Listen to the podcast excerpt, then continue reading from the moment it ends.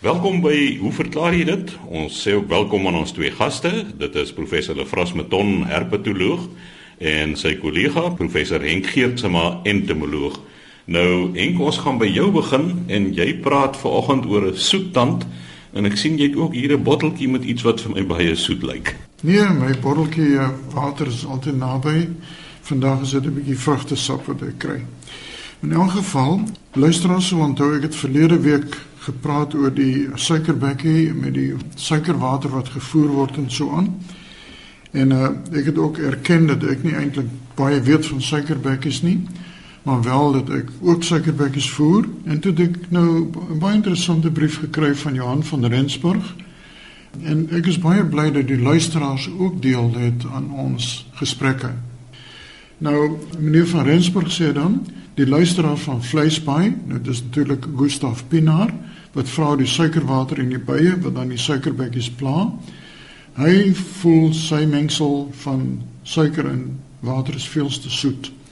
Nou meneer van Rensburg gebruik 2 koppies suiker per 4 liter water. En hy sê meng vir hom so 'n voorraad en dan sit hy 'n paar druppeltjies rooi koek kleursel by. Maar ek stem saam met meneer van Rensburg dat die resep van Gustav Pinaar was 'n ander soort van 'n stroop. Dis nie wat die suikerbekkies wil hê nie. En dan sê dan hy het 'n probleem met die bye gehad, maar hy het dit nou opgelos. Want hy sê net die vinke, meeloogies en muisvoëls is geneig om meer te vat en druk dan die suikerbekkies uit. So daar's 'n bietjie kompetisie. Maar nou sê miskien moet 'n mens die tyd van die bottel so verander dat die bye nie kan inkom nie en dat die lang snaveltjies van die suikerbekkies wel daar kan indring. Nou dit is natuurlik 'n goeie oplossing, maar hy sê as hy iemand al so tyd vir suikerbekkies ontwerp het, sal hy baie graag daarvan hoor. So luisteraars, asseblief as jy die suikerbekkies voer, nie probleme met bye of muisvoëls of meeloogies en net 'n nou pypie ontwerp of iets, laat vir ons weet asseblief. Die tweede navraag is van Pieter Odendaal van Bloemfontein. Nou dag het hy 'n stuk sjokolade gekry. 'n Splinternuut in die winkel en die papier afgehaal, die blinkpapier en so aan. En toe hy nou begin eet in die sjokolade, toe voel hy iets krioelie so tussen sy tande miskien. En hy sien maar dis so 'n wit larwetjie. Nou wil hy weet waar kom daai larwe vandaan? Want Dis nou binne in die foliepapier. Hy het nou mooi gekyk. Daar's geen gaatjies in die foliepapier nie, ook nie in die omslagpapier self nie. Waar kom hierdie wurmpie vandaan? Nou meneer Odendaal, die sjokolade wat u gebruik het, het 10 te 1 neute in. En die probleem is neute word gedroog en gestoor gewoonlik in sakke en natuurlik jy weet 'n sak is redelik poreus wat ons noem. En daar's altyd maar 'n paar mooitjies in die omtrek en van die mooitjies sal eiertjies lê. Die eiertjies broei uit en dan kry mens nou hierdie larwes. Nou daar's verskillende soorte van hierdie larwes wat op wat ons noem gestoorde produkte voed. Byvoorbeeld, ons kry nou die op neute. Uh mense kan kry op meel. Die ou mense praat almal van miet in die meel as die meel voor die omsif, sulke drade trek, sulke webbe as dit ware. Dis natuurlik die werk van ruspers, maar dis weer 'n heel ander insek. Die een op meel uh, staan bekend as die Indiese meelmot. En uh, ek is nie te oud om te leer nie. Ek het verlede jaar dit ek geleer, maar ek het altyd gedink die Indiese meelmot kom van Indië af. Maar toe blyk dit eintlik dit kom van die Suid-Amerika, van die rooi Indiane af eintlik. So dis waar die naam Indiese meelmot vandaan kom. Maar in elk geval terug te kom na die sjokolade. Die insek, die larwe is dan binne in die neut. Sê net maar amandel of iets in die pekanneut of iets in die aard. Dit word dan gemeng in die sjokoladefabriek. Nou die sjokolade word nie teen 'n baie hoë temperatuur gemeng nie. So die temperatuur is nie hoog genoeg om die rusper of larwe binne in die neut dood te maak nie. En dan word die sjokolade in 'n vorm gegiet, dit stol, dit word dan verpak En intussen tyd gaan die larwetjie rustig voort. Hy's nou lekker beskerm. Hy's lekker omring met neute en 'n bietjie sjokolade as hy daarvan wil hê. En as hy dan die pakkie oopmaak, dan is daar 'n groot verrassing. Nou weet dis dan met die prys van vleis en ons lees nou die dag in die koerant dat daar word nou kunsmatige vleis gemaak van omtrent so 2-3 miljoen rand per hamburger. Dink ek dit is mens eintlik 'n kopie as jy nou 'n uh, 'n warm in sjokolade kry want dis nog nie so duur nie. En wat ek vir meneer Oorndaal kan verseker in my lewe en sy lewe en almal se lewe het ons al dikwels 'n wurmpie ingeneem in 'n appel of 'n lemoen of wat ook al en ons het nog niks daarvan oorgekom nie. So in hierdie geval die vermoede is by my is dat die sjokolade neute bevat en dat daai neute dan van die larwes in. Natuurlik wat ek kan doen is stuur dit onmiddellik terug na die vervaardiger toe en dan kan jy verseker u gaan twee blokke sjokolade terugkry want hulle wil baie graag weet waar is die probleem want dit affekteer hulle produk eintlik. Dink, maar is dan tog nie 'n kans dat daai mooitjies is mos maar baie klein dat hulle wel tussen daardie papier, kyk hy's mos maar net omgevou oor die sjokolade. En dit's 'n klein mooitjie, jy kan dalk daar inkruip. Ja, die mooitjie kan inkruip, maar die wyfie se ovipositor, daai eierboor is nie 'n boor in die ware sin nie. Sy moet eiers lê op die oppervlakte van die voedsel. Mens kry baie insekte wat kan werklik boor in 'n vrug in. Soos 'n vrugtevlieg byvoorbeeld. Vrugtevlieg op 'n lemoen boor in die skil in en lê dan 'n eiertjie net onder die skil. Maar hierdie tipe mooitjies se eierboortjie is te sag daarvoor om deur die folie te kom Ek dink nou dat hy in die folie inklim, né, daar by, by die vouplek waar dit ja. op die punte omgevou is dat die mooitjie daar kan inklim en baie keer die neute is mos maar op die oppervlak, baie van die neute in die sjokolade. Ja. En dan sou hy mos dit nou nou die eiertjie kan lê. Net 'n korreksie professor Mouton. Dis nie hy wat die eiertjie lê nie, dis sy wat die eiertjie lê. uh, ek wil net sê in die algemene Afrikaans praat mens van hy as jy na 'n dier verwys het. Daar's nie 'n probleem meer nie. Ons praat nie in die algemeen hier nie. Ons praat oor insekte. Nee, ek bly nog steeds daarby staan dat die mooitjies se eierboor kan nie deur die folie dring nie, maar wat wel waar is, baie kewertjies. Ek kry baie te doen met rooibos tee. Nou gaan die rooibos tee raad my keel wil afsny want ek mag nie praat van rooibos tee nie, dit is rooibos. Rooibos word uitgevoer na Maleisië en ander oosterse lande waar dit nou die gesondheidsdrankies kenbaar is. En baie kere word die materiaal teruggestuur want die rooibos word ook in folie verpak. En dan word daar insekte binne in die folie aangetref, binne in die rooibos.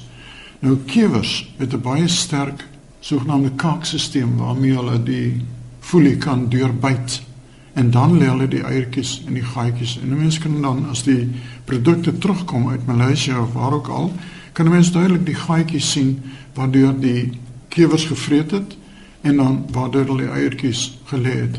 En dit is eintlik 'n redelike goeie probleem want jy weet 'n manier om dit te bestry is natuurlik om dit te bestraal. Maar die ding is daar is 'n weerstand by die algemene publiek om byvoorbeeld speserye te sien wat bestraal is want almal dink onmiddellik aan radioaktiwiteit. Maar ek kan u verseker daar is geen spoortjie van radioaktiwiteit in sulke produkte nie. Maar nogtans, die gesondheidsbewustes wil nou wel speserye hê wat nie bestraal is nie. Maar nou kan ek die luisteraars ook 'n geheimpie meedeel dat baie speserye kom in en hulle is besmet met insekte en word hulle nie bestraal nie, maar hulle word nommer 1 verkoel in yskaste en dan word hulle in 'n sogenaamde entoliter gegooi, die produk.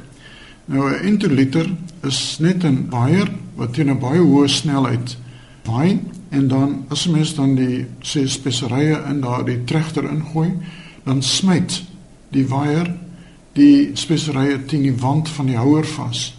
En enige larwe of papie of mot of kewertjie word as dit ware verpoeier. En dit vorm 'n deel van die spesery mengsel. En jy sal dit altyd sien om die botteltjies en so staan spesery mengsel en so hulle bedoel seker die insekte wat saamgemeng is. Maar dit is so weinig dat jy dit nie eintlik sal agterkom nie. En geniet dit nou maar, die prys van proteïen is redelik hoog en jy kry dit nou vir 'n goedkoop prys. En as ek net iets daar kan byvoeg wat die wurms betref, daar is tog sekere wurms soos die Mopani wurm wat in sekere dele van Suidelike Afrika 'n baie gesogte bron van proteïene is. Ja, Chris, ek was nog nooit so honger gewees om Masonia, wat die Wenda noem dit Masonia om dit te gebruik. Maar dit is 'n baie belangrike stapelvoedsel eintlik in Wenda en suide deel van Zimbabwe, selfs in Mosambiek en Botswana. Dis eintlik 'n baie groot tuisbedryf. Die mopani worms word versamel van die mopani bome natuurlik. En dis 'n bietjie wreed, maar die larwes word lewendig gestroop van hulle dermse. Met ander woorde, die larwes gaan dan dood. Dit word dan gedroog. En in die gedroogde vorm word dit dan verkoop. Mense kry 'n klein blikkie vol vir omtrent 10 sent. So en dan is daar so 'n stuk of 50 larwes en hang af van die grootte natuurlik. Die larwes kan dan droog geëet word.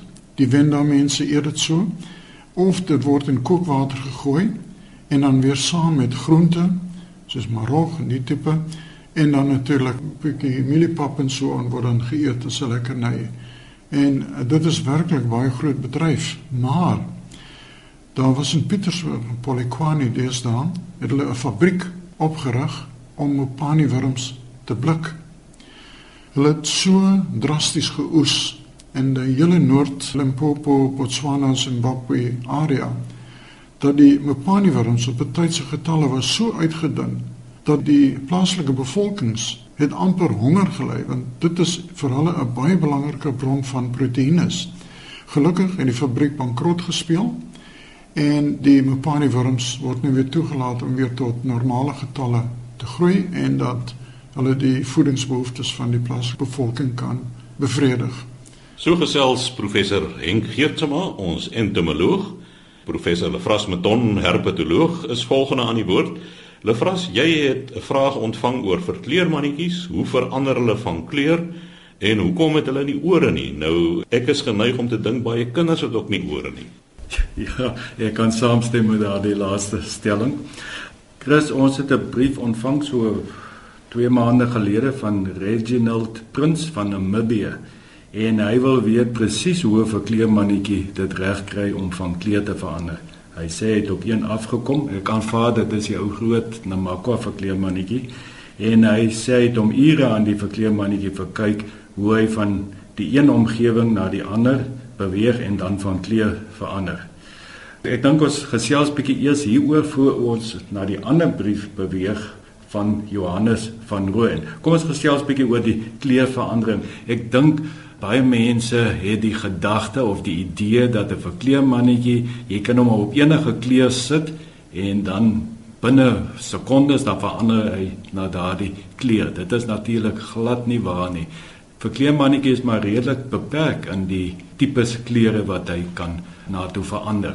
En gewoonlik is die oorsake van kleurverandering is daar's 3 oorsake. Die een is temperatuur. Ons almal weet as dit koud is, dan gaan die verkleermannetjie 'n donker kleur hê.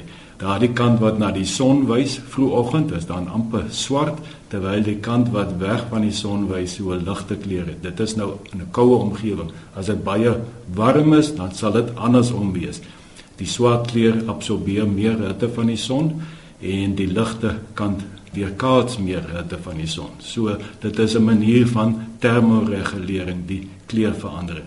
En dan ook lig en donker sal ook kleur beïnvloed en dan 'n baie belangrike rede vir kleurverandering is emosie as ek dit nou kan so noem as 'n verkleermannetjie 'n mannetjie nie 'n verkleerwyfie nie 'n verkleer mannetjie as hy aan die een sien dan raak hy kwaad en dan sal hy ook drastiese kleurverandering ondergaan Verkleermannetjies is maar baie ingestel op visie in hulle kommunikasie. So dit is nou maar die begin van moeilikheid daardie syne uitstuur.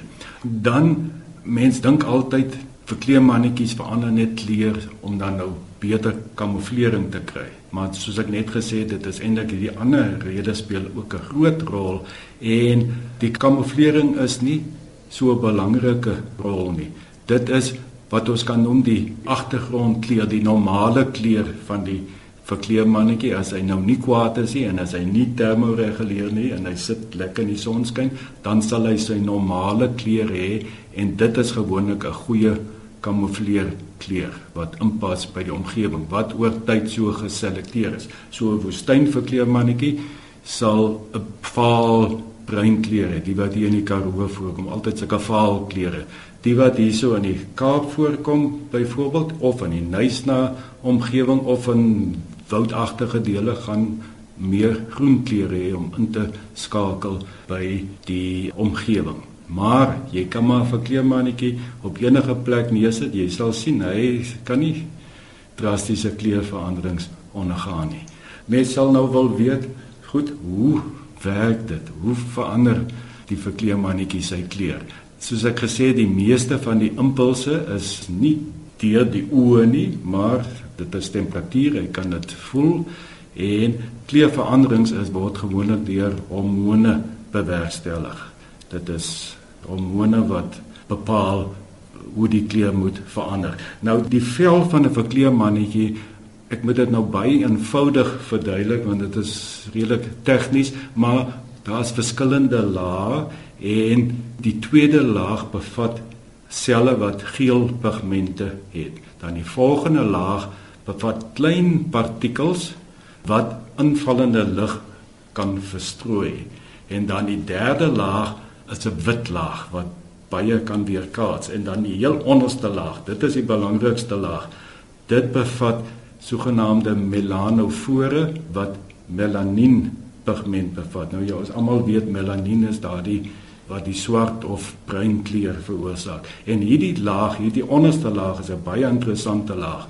Hierdie selle het sulke lang uitstulpings na bo en die melanien pigmente kan beweeg in hierdie lang arms op na die oppervlak of dit kan teruggetrek word. So deur bloot die melanien op te stoot in hierdie vertakkings raak die vel donker en as dit weer teruggetrek word, raak die vel ligter.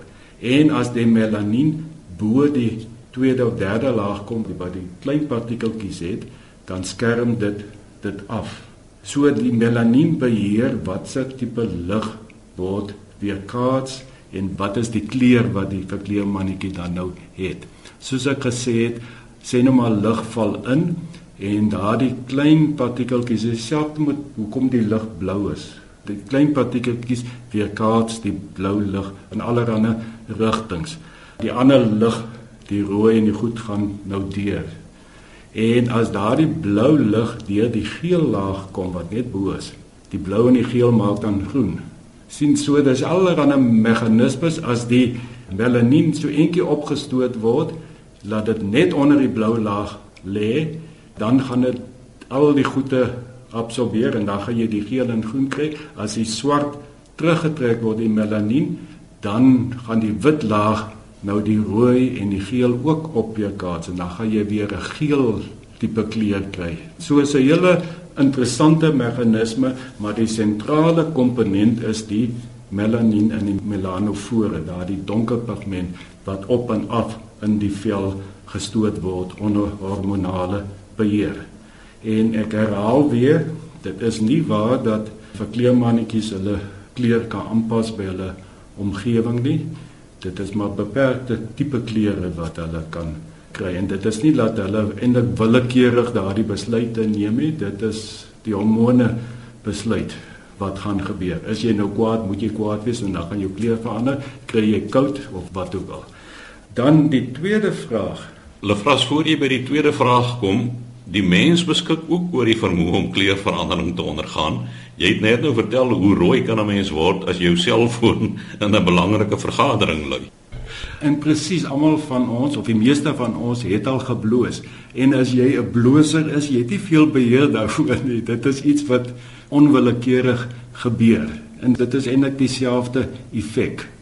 Die tweede vraag het ons ontvang van Johannes van Rooyen van Albertskroon in Johannesburg. Hy het toe verskeie vrae oor verkleermannetjies gestuur en ons ek het net die eerstes beantwoord. Nou kom ons by die tweede ene en dit is eintlik 'n baie interessante vraag. En hy sê, "Hoekom het verkleemmannetjies nie uitwendige ore nie? Die meeste akedisse wat nie uitgrawende vorms ontstaan het nie, het vandag nog ore. So het kogelmanders wat naby verwant is aan verkleemmannetjies dan ook ore. Hoekom sou verkleemmannetjies dan hulle ore verloor het? Was daar miskien 'n mutasie?" wat byvoorbeeld die werking van die tong bevoordeel het, maar per ongeluk ook 'n negatiewe effek op die ore gehad het. En dit is so ek het dit nooit eers besef nie en as jy weer in die tuin is Henk en jy sien 'n verkleurmannetjie, hy het werklik hy het nie ore nie. En dit is eintlik soos Johannes hy sê buitengewoon vir normale akedisse om nie oogate te hê nie. Die afwesigheid van ore is gewoonlik gekoppel of te wyte aan as hulle in 'n soliede omgewing voorkom. Met solied bedoel ek ondergronds of in water. Byvoorbeeld die platanna is mos permanent waterlewend, dis akwatiese padda en as jy weer platanna sien, sê jy sien hy het nie uitwendige oordromme of uitwendige ooropeninge nie. Dit is omdat in 'n soliede medium die klank baie goed deur die water oorgedra word nou, en die hele liggaam vang en dit klank op. Oortromme of oorgate is om in lug te hoor. Daar so 'n trommelvlies wat dan nou die klank opvang en dan konsentreer op 'n klein kolletjie op die inwendige oor, die fenestra ovalis. So dit is 'n manier om in lug te kan hoor. Nou as dan dis nie oor is nie, Hoekom is dit so? Ons weet slange het ook nie ore nie, uitwendige ore nie of oorgate nie en dit is omdat slange het ontstaan uit akedisse wat dan of ondergronds gelewe het en die oorgate verloor het of hulle het in water geleef maar die gedagte is dat dit uit ondergrondse akedisse kom. So dit is voorwaar interessante waarneming die afwesigheid van ore by verkleemannetjies. Ek het nou onlangs 'n besoeker gehad hier by my, professor Aaron Bauer van Amerika en vir hom gevra wat hy dink hoekom is dit so? Want ek het oral in boeke gekyk en dit is net niemand sê iets oor die afwesigheid van ore nie. En sy gedagte is dat dit gaan daaroor dat verkleemmannetjies op dun takkies sit. En omdat hulle so op visie ingestel is geluide is nie werklik belangrik vir hulle nie. En as daar gevaar aankom of 'n insek of iets, is dit op die takkie. So daardie trillinge vang hulle op via hulle bene. Want hulle sal nie dit kan hoor as iets aankom nie, maar hulle sal dit kan voel hier kom iets aan. Terwyl 'n klip akedus byvoorbeeld, daar's 'n manier, die klip is so solied en hard dat hulle trillings van die substraat sal kan opvang. Behalwe as dit nou 'n olifant is of 'n mens wat aankom, maar nie 'n klein insek of iets van hulle dit nie kan opvang nie. Maar hulle sal dit kan hoor deur versteurings die geluide wat die insek maak. En dit klink vir my of dit dalk so iets kan wees. Ons het spesifiek gesels oor die moontlikheid dat dit die tong is.